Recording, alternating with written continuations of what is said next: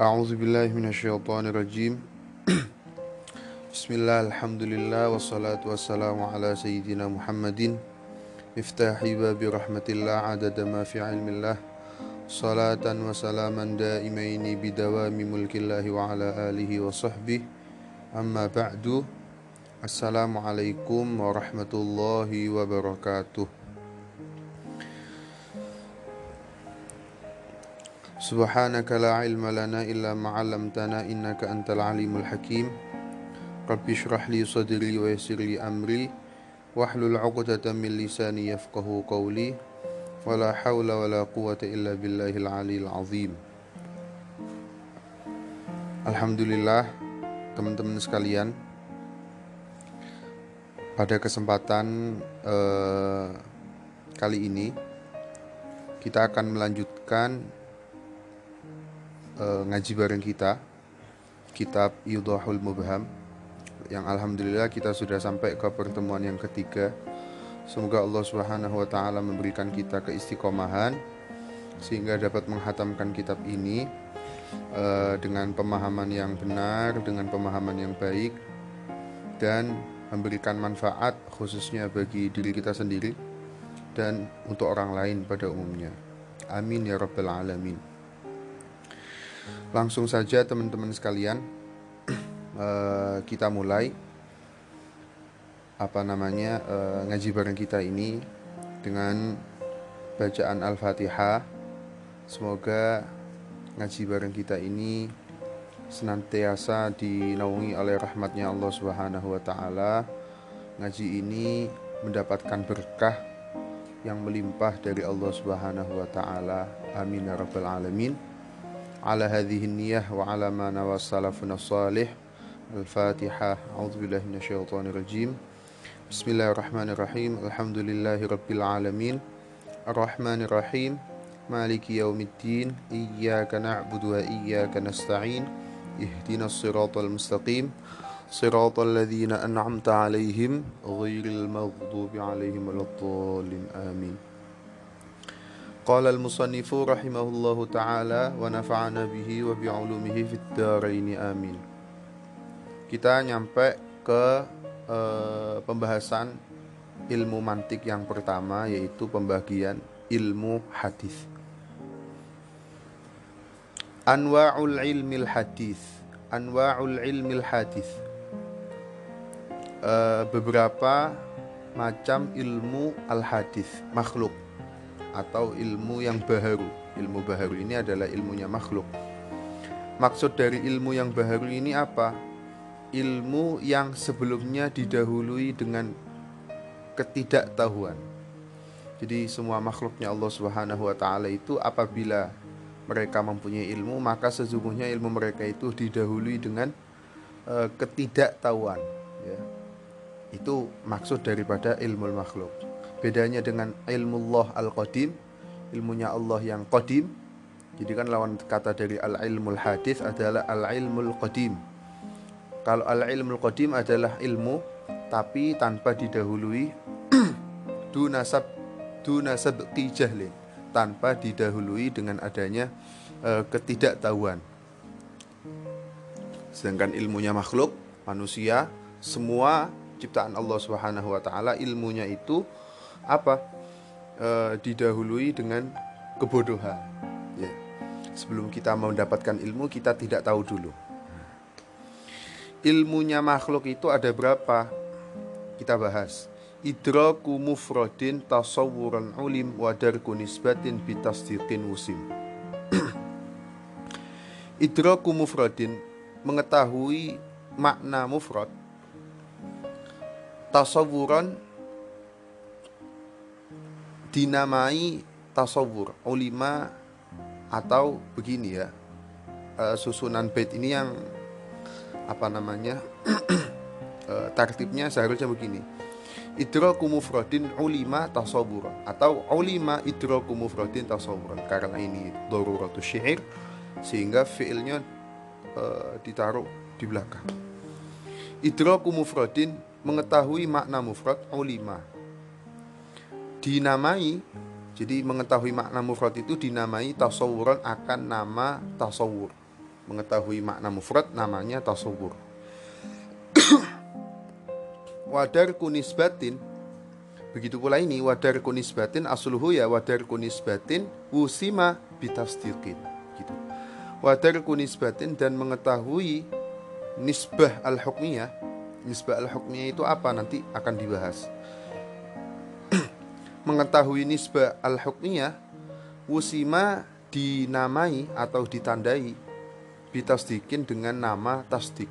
Jadi nama dengan tanda itu kurang lebih maknanya sama. Karena e, seseorang itu dinamai Afif misalkan. Karena itu untuk tanda orang yang ciri-cirinya seperti ini anaknya orang ini lahir tahun ini tanggal seperti tanggal sekian tanggal sekian nah, itu namanya Afif begitu ya itu kan tanda nama itu kan tanda alamun nama atau tanda wadar kunisbatin bitasdiqin musim mengetahui nisbah al-hukmiyah itu dinamai dengan tasdik. Jadi kalau kita mengetahui nisbah al-hukmiyah, namanya pengetahuan kita itu adalah tasdik.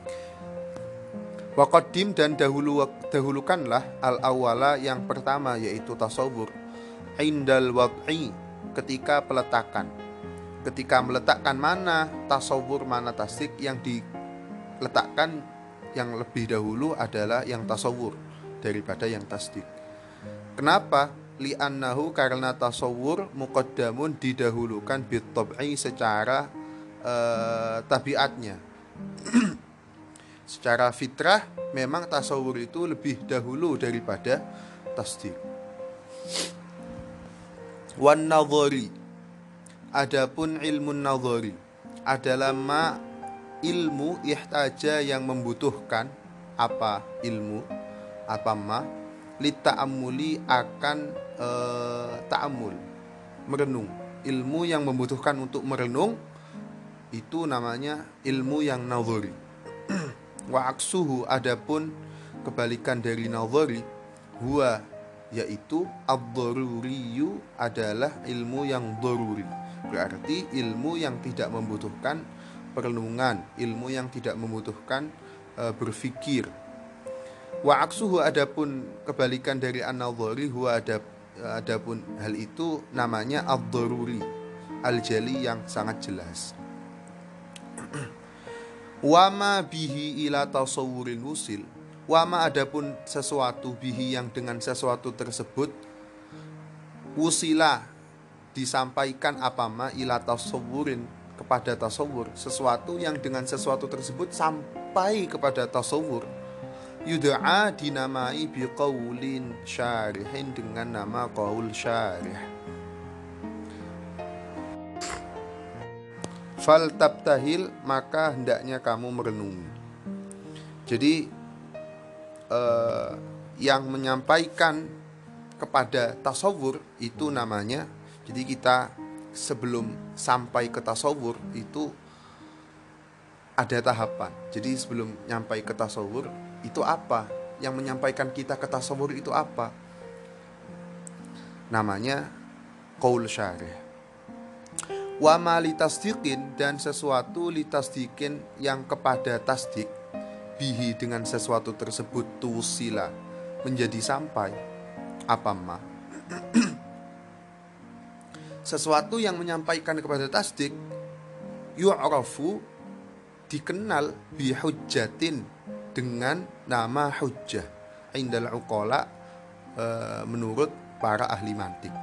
Jadi urutan baitnya yang e, benar seperti itu ya. Akan tetapi kan nah lagi-lagi alasan daruratu syair yang menjadikan bihujjatin diletakkan di awal bihujjatin yu'rafu indal uqala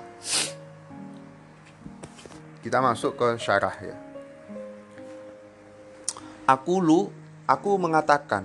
Ini Syekh Ad-Damanhuri. Lafzu anwa, lafat anwa itu yukhriju mengeluarkan atau mengecualikan lafat anwa itu mengecualikan al ilmal qadim ilmul qadim jadi di atas tadi kan di awal anwa'ul ilmil hadith beberapa macam ilmu hadis beberapa macam itu mengeluar, mengeluarkan atau mengecualikan ilmu qadim. Karena apa?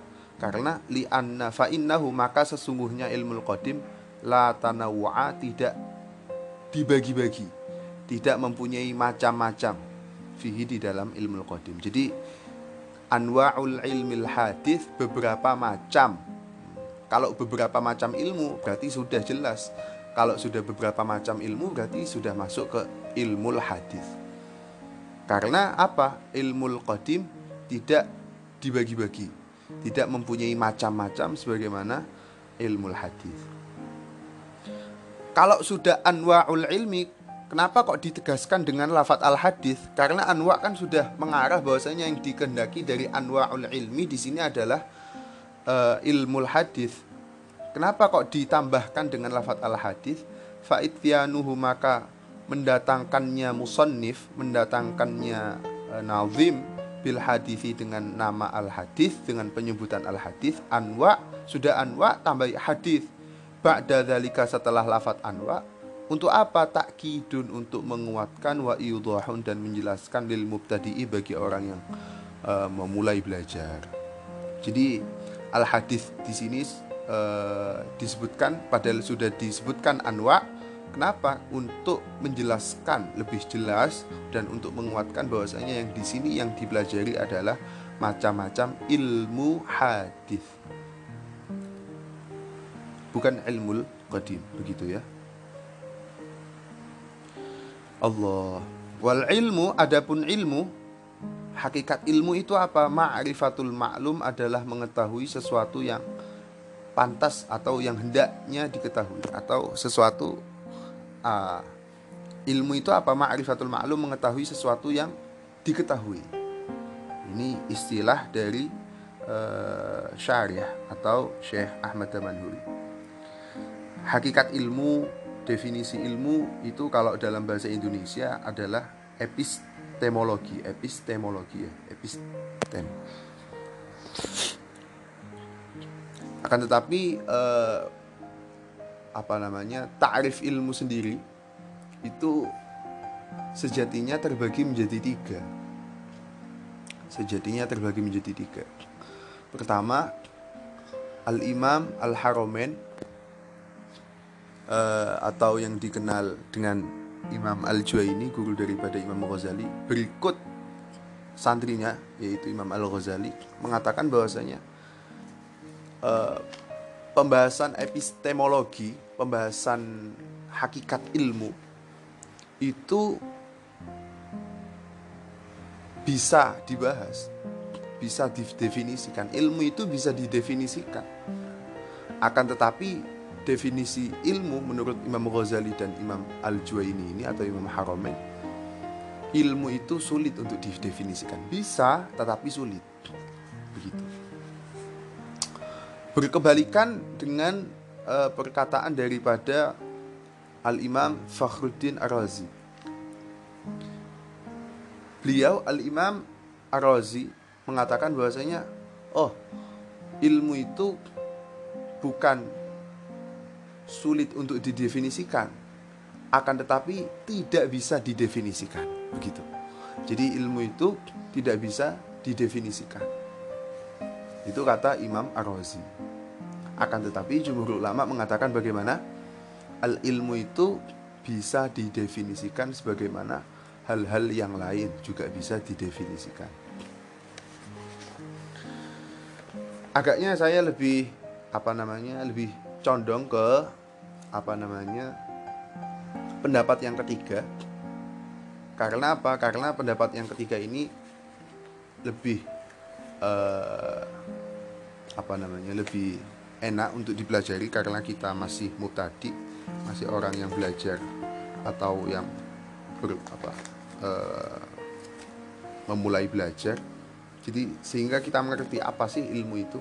Kalau misalkan ilmu itu tidak didefinisikan tidak terdefinisikan maka kita bagaimana mempelajari ilmu? Kalau ilmunya saja kita tidak bisa mendefinisikan ya begitu kan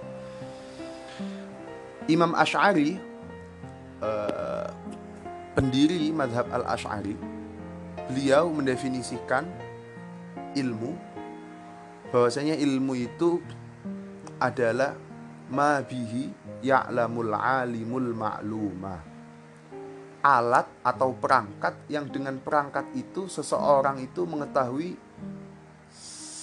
sesuatu. Misalkan kita mengetahui baju saya hitam baju saya putih kita mengetahui apa pun nah, alat untuk mengetahui itu adalah ilmu. Jadi ilmu itu sesuatu yang keluar dari diri manusia. Jadi ilmu itu bukan manusia, bukan zat manusia, akan tetapi alat yang digunakan untuk manusia untuk mengetahui sesuatu. Maka oleh karena itu Imam uh, eh, Al Ashari beliau apa namanya uh, membedakan antara al alim dengan al ilmu. Karena al alim orang yang mengetahui itu adalah zat, Sedangkan al-ilmu adalah sesuatu yang lain, perangkat untuk mengetahui sesuatu. Jadi begitu. Makanya Allah Subhanahu wa taala itu disifati dengan al-ilmu sekaligus juga disifati dengan al-alim. Mungkin nggak perlu panjang lebar untuk pembahasan al-ilmu ini. Cukup saya datangkan apa namanya definisi dari Imam Al-Asy'ari uh, sebagaimana kita semua uh, Tulabul Azhar, Abnaul Azhar, putra-putra kebanggaan Al Azhar ini uh, mempunyai akidah atau bermadhabkan akidahnya Imam Al Ashari radhiyallahu anhu. Jadi ilmu itu adalah ma'rifatul ma'lum. Kemudian kita langsung uh, kembali. Thumma innahu Kemudian innahu sesungguhnya ilmu yang kosimu terbagi. Apa ilmu? Ila tasawurin yang pertama tasawur, ada tasawur. Ilmu itu ada yang tasawur. Wa ila tasdikin yang kedua ada yang dinamakan tasdik. Apa sih tasawur? Apa sih tasdik? Akan dijelaskan ke uh, dalam keterangan berikutnya. Wa kullun minhuma dan setiap dari yang tasawur dan yang tasdik terbagi menjadi eh terbagi ila doruri ada yang doruri wa ila nadhari juga ada yang nadhari. Jadi tasawur ada yang doruri ada yang tasawur yang nadhari. Jadi tasawur ada tasawur doruri ada tasawur nadhari. Begitu pula tasdik ada tasdik doruri ada tasdik yang nadhari. Fal aqsamu maka pembagian ini arbaatun ada empat. Ada tasawur doruri satu tasawur nadhari. Dua tasdik doruri tasdik nazari empat. Fa'ingkana maka apabila ada apa ilmu yaitu idroka maknan mengetahui makna mufradin yang mufrad fahuwa maka adapun idroku maknan mufrad adalah tasawurun dinamakan tasawur kalau ilmu itu adalah kita mengetahui makna yang mufrad jadi bisa dibedakan antara lafat mufrad dan makna yang mufrad. Lafat mufrad itu contohnya Zaidun. Kalau sudah masuk kitab Zaidin itu sudah tidak mufrad lagi karena lafadznya sudah murokab, murokab idhofi kan kalau dalam ilmu nahwu susunan idhofa. Kalau dalam mantik itu atau dalam ilmu ini kita Zaidin itu meskipun lafadznya murokab idhofi itu tetap dinamakan mufrad karena apa? Maknanya mufrad. Kitabnya Zaid maknanya mufrad. Ya, begitu kan? Kitabnya Zaid. Jadi kita bahas uh, ke lebih spesifik kitabnya Zaid. Itu kan makna mufrad.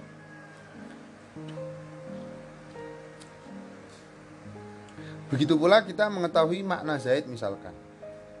Kaidraki makna Zaid. Kita mengetahui makna Zaid saja misalkan. Itu dinamakan tasawur Wa ingkana kalau ilmu itu idraka makna wuku'in nisbah mengetahui makna terjadinya penisbatan ya kan? Tadi nisbah di sini adalah nisbah hukmiyah ya kan? Apa sih nisbah hukmiyah itu? Mutabaqatuha li nafsil amr wa adamu mutabaqatiha sesuainya nisbah tersebut linafsil amri pada kejadian. Misalkan Zaidun qaimun. Zaid adalah orang yang berdiri. Zaid adalah orang yang berdiri. Misalkan hal ini sesuai dengan kenyataan, kita menisbatkan sifat berdiri kepada Zaid, maka bagaimana? Maka hal inilah yang dinamakan dengan uh, tasdik, ya begitu. Fahuwa maka adapun idraku makna wuku'in nisbah adalah tasdikun tasdik.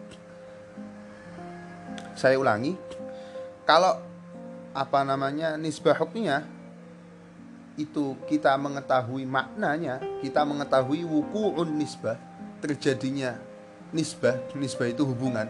Seperti contoh Zaidun imun Zaidun imun ini Zaid adalah orang yang berdiri kita menjustis Zaid bahwasanya Zaid itu adalah orang yang berdiri. Kalau memang Zaid adalah orang yang berdiri, kita mengetahuinya dengan cara apa pun, dengan cara melihat atau dengan khobar dari berita orang lain, oh Zaid berdiri misalkan. Maka itu sudah bisa dipastikan hal itu adalah yang namanya tasdik. Tasdik itu kalau dalam bahasa Indonesia legalitas. Ya, legalitas. kita menjustis Zaid kita menghukumi Zaid bahwasanya Zaid itu adalah orang yang berdiri begitu kalau misalkan ada keterangan yang tidak memahamkan uh, boleh uh, jabri saya boleh apa namanya uh, chat di WA atau kirim pesan suara di uh, ini di aplikasi ini Kaidroki wuku'il qiyam seperti halnya mengetahui terjadinya berdiri. Terjadinya apa namanya? kejadian berdiri, terjadinya berdiri fi qaulina zaidun qaimun dalam ucapan kita zaidun qaimun. Jadi zaidun qaimun, Zaid adalah orang yang berdiri. Kita mengetahui terjadinya berdiri pada pada diri seorang Zaid. Jadi berdiri pada diri seorang Zaid itu yang dinamakan dengan nama tasdi. Wahada dan hal ini makna qawlihi adalah makna dari ucapan nazim. Nazim itu orang yang menazumkan ya. Idraku mufradin ila akhirih. Mungkin uh, cukup memahamkan dan semoga uh, memahamkan. Misalkan tidak memahamkan boleh bertanya dan mengirimkan apa namanya pertanyaan kepada saya. Fazaidun imun maka adapun lafat zaidun imun istamala mencangkup apa lafat zaidun imun ala tasawuratin atas beberapa tasawur arbaatin yang empat. Jadi kalau kita apa namanya e, mengilustrasikan lafat Zaidun imun Zaid adalah orang yang berdiri. Zaid adalah orang yang berdiri. Setidaknya dalam penggambaran kita pada lafat atau pada makna Zaid adalah orang yang berdiri itu ada empat penggambaran. Yang pertama kita menggambarkan maudhu yaitu Zaid atau kalau dalam ilmu nahu maudhu ini masuk dalam mutada atau musnad ilaih atau mahkum alaih ya. tasawwurul maudhu yang pertama adalah kita mengilustrasikan al maudhu maudhu itu tema yang dibahas. Zaidun imun itu yang dibahas Zaidnya apa berdirinya? Zaidnya tentunya. Zaid yang berdiri. Atau koma Zaidun berdiri siapa Zaidun? Kang Zaid yang dibahas kan Zaid yang lagi berdiri begitu kan? Al maudhu tema yang dibahas. Wahwa Zaidun ada wahwa adapun maudhu adalah Zaidun. Kita mengilustrasikan Zaid misalkan Zaidun imun kita mengilustrasikan Zaid. Zaid adalah seorang laki-laki putranya bapak ini lahir tahun sekian bulan sekian tanggal sekian. Dia rumahnya di sini kampungnya di sini punya teman ini sekolahnya di sini dan lain-lain itu kita menggambarkan Zaid oh Zaid yang itu. Nah, itu apa namanya salah satu eh, dari beberapa penggambaran yang ada pada makna Zaidun Qaimun. Kemudian yang kedua tasawurul mahmul. Kita setelah membahas Zaid Zaid ini kita tempeli hukum apa? Oh, dia berdiri, dia terbang, dia berjalan. Maka kita harus mentasawurkan berjalan itu seperti apa? Oh, berjalan itu seperti itu, melangkahkan kaki. Oh, terbang itu bagaimana? Oh, meng mengepakkan sayap. Oh, apa namanya? Berdiri itu apa? Begitu kan? Kalau kita sudah mengetahui maknanya dalam hati kita, kita mengetahui makna berdiri dalam akal kita, sesungguhnya kita sudah mentasawurkan al-mahmul. Zaid sudah kita tasawurkan, al-mahmul sudah kita tasawurkan. Begitu kan? Kalau kita sudah mentasawurkan Zaid, kita sudah mentasawurkan apa namanya? Qaim, maka langkah ketiga kita mentasawurkan ini agar terjadi tasdik ya, kita harus mentasawurkan keempat-empatnya. Yang ketiga kita harus mentasawurkan apa? Tasawurun nisbah al-hukmiyah bainahuma. Mentasawurkan hubungan hukum antar keduanya. Apa sih maksudnya an-nisbah wahwa? Ta'alluqul mahmul bil maudu. Hubungan antara al-mahmul bil maudu dengan maudu. Hubungan antara qaim dan zaid. Hubungan antara berdiri dan zaid. Pantaskah uh, Zaid itu menerima sifat berdiri? Oh pantas karena dia manusia. Memang manusia bisa berdiri begitu. Dan juga dia sehat. Dan juga dia punya kaki. Makanya dia pantas dihukumi dengan uh, sifat berdiri. Beda halnya misalkan kita mengatakan Zaidun Ta'irun. Zaid terbang. Ini terbang dengan Zaid tidak ada hubungannya sama sekali. Tidak ada hubungannya sama sekali karena Zaid tidak mempunyai alat untuk terbang, tidak mempunyai sayap, tidak sedang menaiki pesawat. Jadi tidak ada hubungan antara apa namanya terbang dengan Zaid. Maka kita tidak bisa mentasawurkan hubungan antara terbang dengan Zaid, maka tidak terjadi tasawur ini. Jadi kalau misalkan Zaid dan Qaim sudah apa namanya sesuai dalam akal kita. Oh memang bisa berdiri Zaid karena punya kaki karena dia juga sehat tidak lumpuh begitu kan? Maka eh, anisba al hukmiyah hubungan antara Zaid dan berdiri ini eh, cocok di hati kita maka terjadilah tasawur anisba al hukmiyah kalau tidak terjadi maka tasdik tidak akan terjadi begitu kan? Ini syarat ketiga. Yang keempat, tasawwuru wuku'iha. Setelah kita mentasawurkan atau mengilustrasikan an-nisbah hukmiyah, kita mentasawurkan terjadinya berdiri atau terjadinya hubungan tersebut kepada yang kita hukumi. Terjadinya berdiri itu, sifat berdiri itu kepada Zaid. Oh, Zaid berdiri. Terjadi memang. Oh, itu yang dinamakan dengan tasdik. Fat tasawur ar maka penggambaran yang keempat yaitu tasawur wuku'iha kita mengilustrasikan terjadinya uh, sifat berdiri kepada Zaid Yusama dinamakan tasdikon dengan nama tasdik. Kemudian yang ketiga tadi yang awal apa? Wasalah satu adapun yang ketiga bukan yang ketiga tiga awal tadi satu dua tiga empat kan ya Qoblahu sebelumnya Kan tadi ada empat. Tiga sebelumnya apa? Syurutun adalah beberapa syarat lahu bagi tasdik. Jadi untuk mencapai tasdik ada langkah-langkah yang harus ditempuh. Yaitu kita harus mentasawurkan maudhu, mentasawurkan mahmul, mentasawurkan nisbah al-hukmiyah bainahuma. Lalu akan terjadi yang namanya tasawwur wuku'iha atau yang kita kenal dengan nama tasdik. Wahada madhabul hukama dan ini madhabul hukama ialah madhabnya para, para ahli filsafat al hukama wa, madhabul imam adapun madhabnya al imam di sini yang dikendaki adalah al imam Razi. Beliau adalah uh, imamul mutakallimin salah satu imamnya para ahli mutakallimin para mutakallimin para ahli kalam. Annat tasdiqa bahwasanya tasdik huwa ialah atau tasawurat beberapa gambaran al-arba'ah yang empat-empat itu. Jadi keempat-empatnya itu yang dinamakan kalau kita sudah di tertasawurkan empat-empat itu maka uh, itulah yang dinamakan tasdik. Jadi perbedaan antara madhabnya al-hukama dan madhabnya Imam Rozi adalah apa?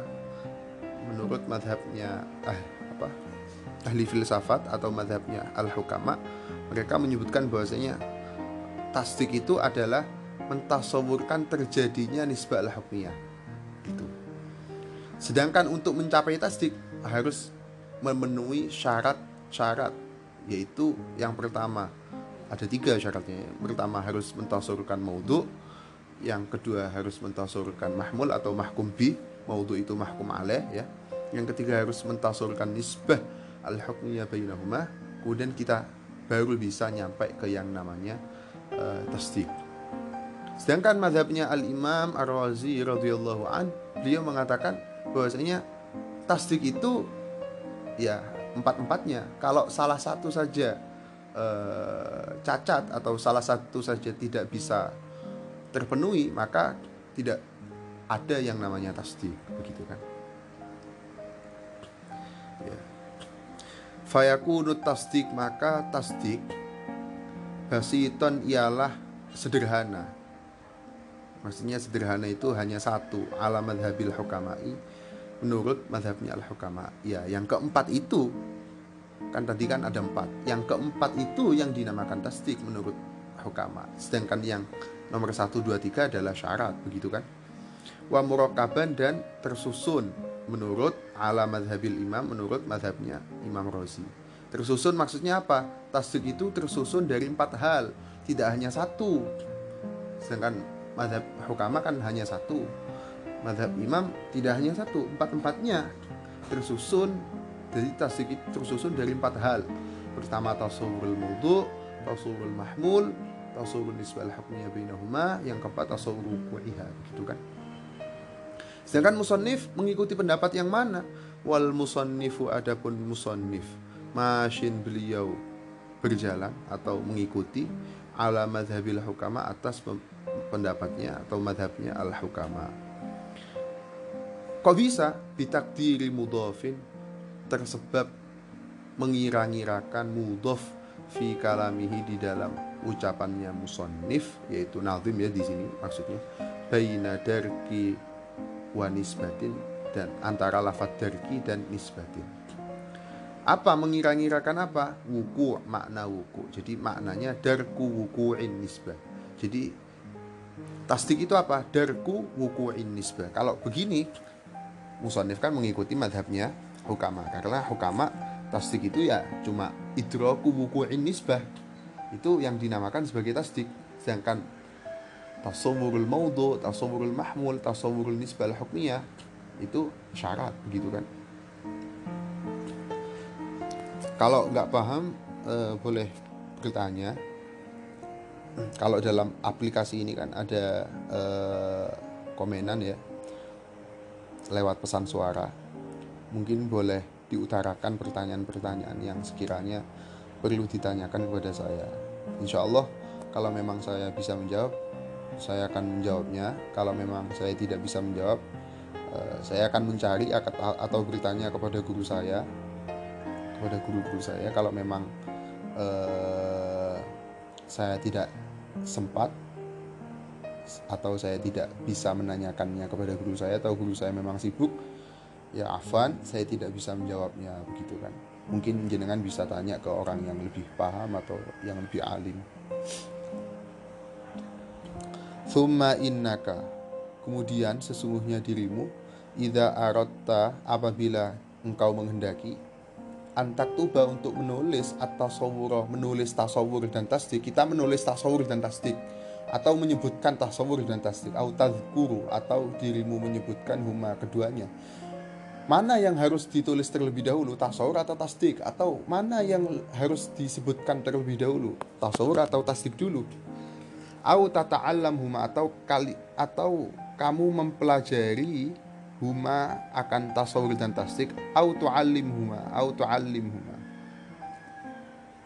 berarti ini au tadhkura begitu kan? Au tata'allamahuma au tu'allimahuma. Atau mengajarkan dirimu huma akan tasawur dan tasdik. Kalau kamu ingin mempelajari tasawur dan tasdik atau mengajarkan tasawur dan tasdik atau kamu hanya ingin menyebutkan tasawur dan tasdik atau kamu hanya ingin menulis tasawur dan tasdik mana yang harus didahulukan begitu kan maka fal murad bil wad'i ma yashmilu dhalika maka yang dikehendaki bil wad'i dengan makna al wad'i tadi kan di nazam ada Waqad dimil awwala indal wad'i. Wad'i ini apa? Wad'i itu ma yashmilu dzalika ya itu semua. Entah kamu menulis, entah kamu hanya ingin menuturkan, menyebutkan secara omongan atau kamu ingin mempelajari atau kamu ingin uh, tu'allim mengajarkan, maka mana yang harus lebih dahulu diajarkan, mana yang harus terlebih dahulu kita pelajari, mana yang harus terlebih dahulu kita tulis? Antara tasawuf dan tasdik. Fakodim maka dahulukanlah dirimu atau tasawur tasawur alat tasdiki dibanding tasdik jadi kalau ingin menulis tasawur dan tasdik yang lebih dahulu tasawur kalau ingin menyebutkan tasawur dan tasdik yang disebutkan terlebih dahulu harus tasawur kalau ingin mempelajari tasawur dan tasdik yang dipelajari terlebih dahulu harus tasawur kalau ingin mengajarkan tasawur dan tasdik yang yang diajarkan terlebih dahulu harus tasawur karena apa? Li annahu karena tasawur muqaddamun mendahului alaihi atas tasdik. Jadi tasawur memang mendahului tasdik. Top'an secara tabiatnya, secara fitrah. Kenapa kok kok bisa begitu? Karena memang sebelum kita sampai ke tasdik kan, seperti tadi yang sudah kita bahas, kita harus apa namanya? melampaui beberapa hal yang mana beberapa hal itu adalah semuanya bersifat tasawur sebelum kita nyampe ke tasdik kan kita harus mentasawurkan beberapa hal terlebih dahulu kan maka oleh karenanya tas apa namanya tasdik diakhirkan sedangkan tasawur didahulukan begitu. Fayuqaddamu karena secara fitrah tasawur itu didahulukan maka fayuqaddamu maka tasawur didahulukan wad'an secara peletakannya. Entah diletakkan dalam segi menulis atau dalam segi menyebutkan. Kalau menyebutkan kita letakkan di awal tasawur tasdik. Tidak boleh dibalik. Kata musonif begitu. Atau kalau ingin mempelajari kita meletakkan tasawur di awal. Meletakkan pembelajaran tasawur di awal. Atau kalau ingin mengajarkan meletakkan pengajaran tasawur di awal daripada tasdik begitu. Wahada makna qawlihi dan hal ini adalah makna dari ucapan musannif faqad dimil awal ila akhirih. Kurang lebih seperti itu ya. Kita lanjut.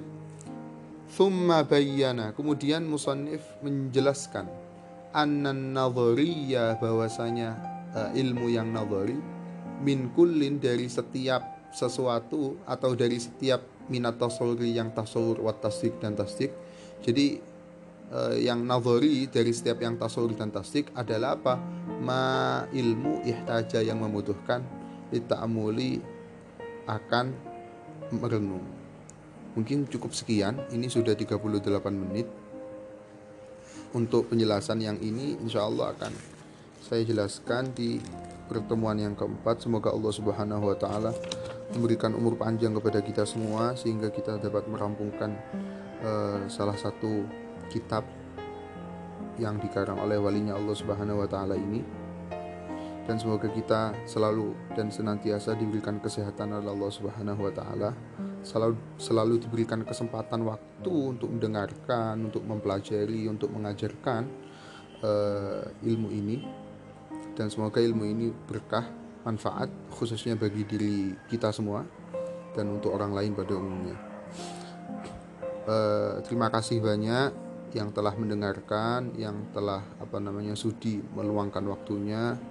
Uh, saya sebagai apa namanya uh, pembaca kitab sangat berterima kasih banyak kepada pendengar dan semoga Allah Subhanahu wa taala membalas uh, jasa para pendengar ini dengan balasan yang banyak, balasan yang baik dan apa namanya uh, semoga para pendengar ini tetap uh, istiqomah apa namanya konsisten mempelajari uh, ilmu ini hingga rampung kitab ini hingga rampung. Uh, syukron ala husni timamikum. Wassalamualaikum warahmatullahi wabarakatuh.